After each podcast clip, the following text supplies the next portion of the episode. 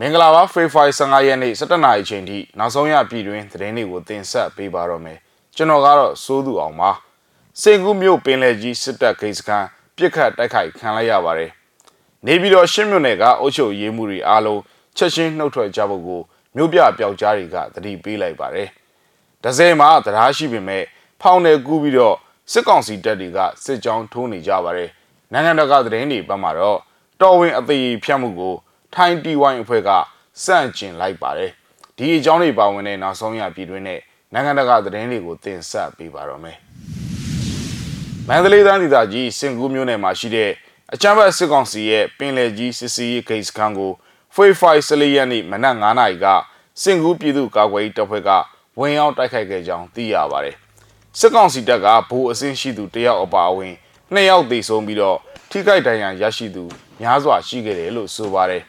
အဆိုပါတိုက်ခိုက်မှုဟာစင်ကူးပြည်သူ့ကာကွယ်ရေးတပ်ဖွဲ့ကကြာဆုံးခဲ့တဲ့အာဇာနည်ရဲဘော်မိုးကြိုကိုဂုံပြုကာမိုးကြိုစစ်စင်ရေးနာမည်နဲ့တိုက်ခိုက်ခဲ့တာဖြစ်ကြောင်းကာကွယ်ရေးတပ်ဖွဲ့ပြန်ကြားရေးတာဝန်ခံကပြောပါတယ်။ကာကွယ်ရေးတပ်ဖွဲ့ကဝင်ရောက်တိုက်ခိုက်ခဲ့တဲ့စစ်စေးဂိတ်ဟာ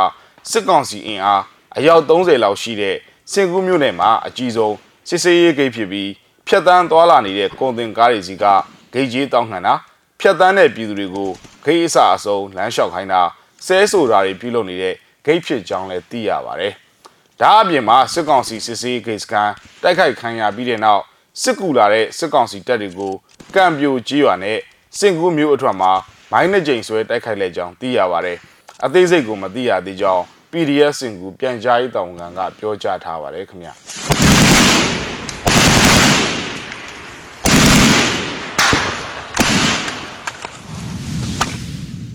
နေပြည်တော်ရှင်းမြို့နယ်ကအုပ်ချုပ်ရေးမှုတွေအားလုံးချက်ချင်းနှုတ်ထွက်ကြဖို့ကိုမြို့ပြပျောက်ကြားမဟာမိတ်တပ်ပေါင်းစုများကွန်ရက်နေပြည်တော်က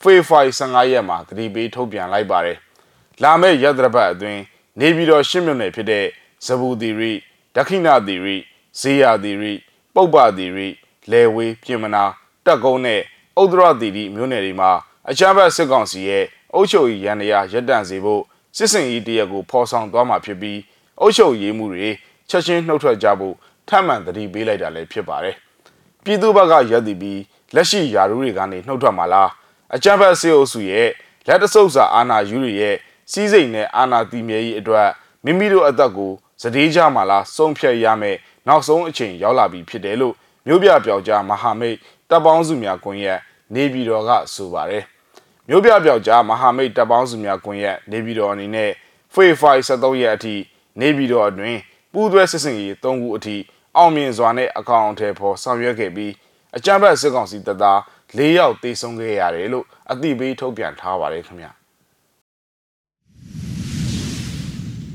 စကိုင်းတိုင်းဒေသကြီးဒဇယ်မြို့နယ်မှာလည်းပြီးခဲ့တဲ့ရက်ပိုင်းကမိုင်းဆွဲမှုတွေဖြစ်ပွားခဲ့ပြီးအကြမ်းဖက်စစ်ကောင်စီတပ်သား20ကျော်တေဆုံးခဲ့တယ်လို့သိရပါတယ်အဲဒီနောက်မှာတော့စစ်ကောင်စီစစ်ကြောင်းဟာတရားရှိပေမဲ့မကူးရတော့ပဲ ဖောင်ဒီနဲ့ကူးတန်းသွားလာပြီးကြီးရွာတွေကိုစစ်ကြောင်းထိုးနေကြောင်းဒေသခံတွေကပြောပါတယ်။ဖေဖိုင်17ရက်နေ့ကပောင်းကြကြီးရွာကိုမီးရှို့ခဲ့တဲ့စစ်ကောင်စီတပ်ဟာ14ရက်နေ့မှာရွာရှိကိုတွားရောက်ပြီးမီးရှို့ဖျက်ဆီးမှုတွေလှုံ့ဆော်ခဲ့ကြောင်းသိရပါတယ်။ဖေဖိုင်17ရက်နဲ့ဖေဖိုင်14ရက်နေ့မိုင်းဆွဲခံရမှုတွေကြောင့်စစ်သား28ယောက်သေဆုံးကြောင်းဒဇယ် PDF အဖွဲ့ဝင်တွေစီကနေသိရပါတယ်ခင်ဗျာ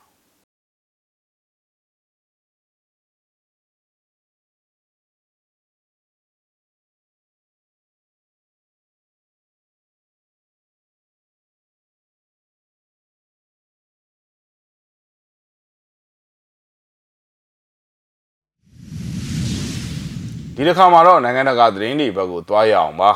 တော်ဝင်အသေးဖြတ်မှုဥပဒေကိုထိုင်းတီဝိုင်းအဖွဲ့ကစန့်ကျင်လိုက်ပါတယ်အပြည့်အစုံကိုကြည့်အောင်ပါမိုးချင်းတန်လို့စူညံနေတဲ့ အပြင်းစား drum နဲ့ဂရာတိခတ်တန်တွေနဲ့အတူရာနဲ့ချီတဲ့ပြိသက်တွေရှေ့မောက်က Time Metal TY Define Decay ဟာ၎င်းတို့နောက်ဆုံးထွက်ရှိလာတဲ့နိုင်ငံရေးသချင်းတစ်ပုဒ်ကိုတီဆိုဟစ်ကြွေးနေကြပါတယ်။အဖွဲ့ရဲ့ပုံမှန်112လျှို့ဝှက်ချက်နဲ့ဝရမ်းပြေးများဆိုတဲ့သချင်းဟာထိုင်းနိုင်ငံရဲ့ပြင်းထန်လွန်းတဲ့အသေးဖြတ်မှုဆိုင်ရာဥပဒေများကိုစိန်ခေါ်မှုအဖြစ်တားမြစ်ပိတ်ပင်မှုတွေကိုဖီဆန်တဲ့ကြမ်းတမ်းခတ်ထန်တဲ့သချင်းတစ်ပုဒ်ဖြစ်ပါတယ်။ တော်ဝင်မိသားစုကိုဝေဖန်ပြစ်တင်ခြင်းဟာထောင်ဒဏ်15နှစ်ထိချမှတ်ခံရနိုင်ပေမဲ့2020ခုနှစ်နောက်ပိုင်းစစ်အစိုးရကိုစန့်ကျင်တဲ့လူငယ်တွေကတော်ဝင်ပြုပြင်ပြောင်းလဲရေးတောင်းဆိုချက်တွေကိုလမ်းမတွေပေါ်ထွက်ပြီးဆန္ဒပြခဲ့ကြပါတယ်။ February လ12ရက်စနေနေ့ရဲ့ဘန်ကောက်မြို့လူစုလူဝေးဟာအဆိုပါနိုင်ငံရေးသချင်းကိုထိုင်းနိုင်ငံမှာပထမဆုံးတိုက်ရိုက်ဖျော်ဖြေတင်ဆက်မှုဖြစ်ပြီးနိုဝင်ဘာလကအမေရိကမှာဖျော်ဖြေတင်ဆက်ခဲ့တဲ့သချင်းဖြစ်ပါတယ်။ပုံမှန်1-1နှစ်သချင်းဟာ ထိုင်းနိုင်ငံရဲ့ရာဇဝတ်ကျင့်ထုံးဥပဒေပုံမှန်ကိုရည်ညွှန်းတာဖြစ်ပေမဲ့တချင်းစာသားတွေထဲမှာလူပုဂ္ဂိုလ်နဲ့အဖွဲ့အစည်းတစ်ခုခုရဲ့နာမည်တက်ပြီးဝေဖန်ပြောဆိုထားတာမပါရှိပါဘူးအတိတ်ပဲကောက်ယူရတဲ့တချင်းစာသားမျိုးတွေကိုကြိုက်ပါတယ် ကျွန်တော်ရဲ့တခြင်းကိုလူတိုင်းကြိုက်တယ်လို့အတိတ်ပဲကောက်ယူလို့ရပါတယ်လို့တေးရတေးဆိုဖူး UR2 KRD က AFP ကိုပြောပြပါတယ်။တခြင်းတွေကအဂတိလိုက်စားမှုနဲ့ပတ်သက်တဲ့စာသားတစ်ကြောင်းကိုတော့အစိုးရစန့်ကျင်ရေးစန္ဒပြသူတွေသာမကတော်ဝင်ဝါဒီနဲ့ရဲတွေကလည်းသဘောကျနိုင်တယ်လို့အသက်25နှစ်အရွယ်ပေးသက်သူကဆိုပါတယ်။တခြင်းရဲ့ခေါင်းစဉ်ကအငင်းပွားဝယ်ရာဖြစ်နေပေမဲ့တခြင်းတွေကအကျင့်ပြတ်ခြားစားမှုရဲ့အဓိကအကြောင်းအရာက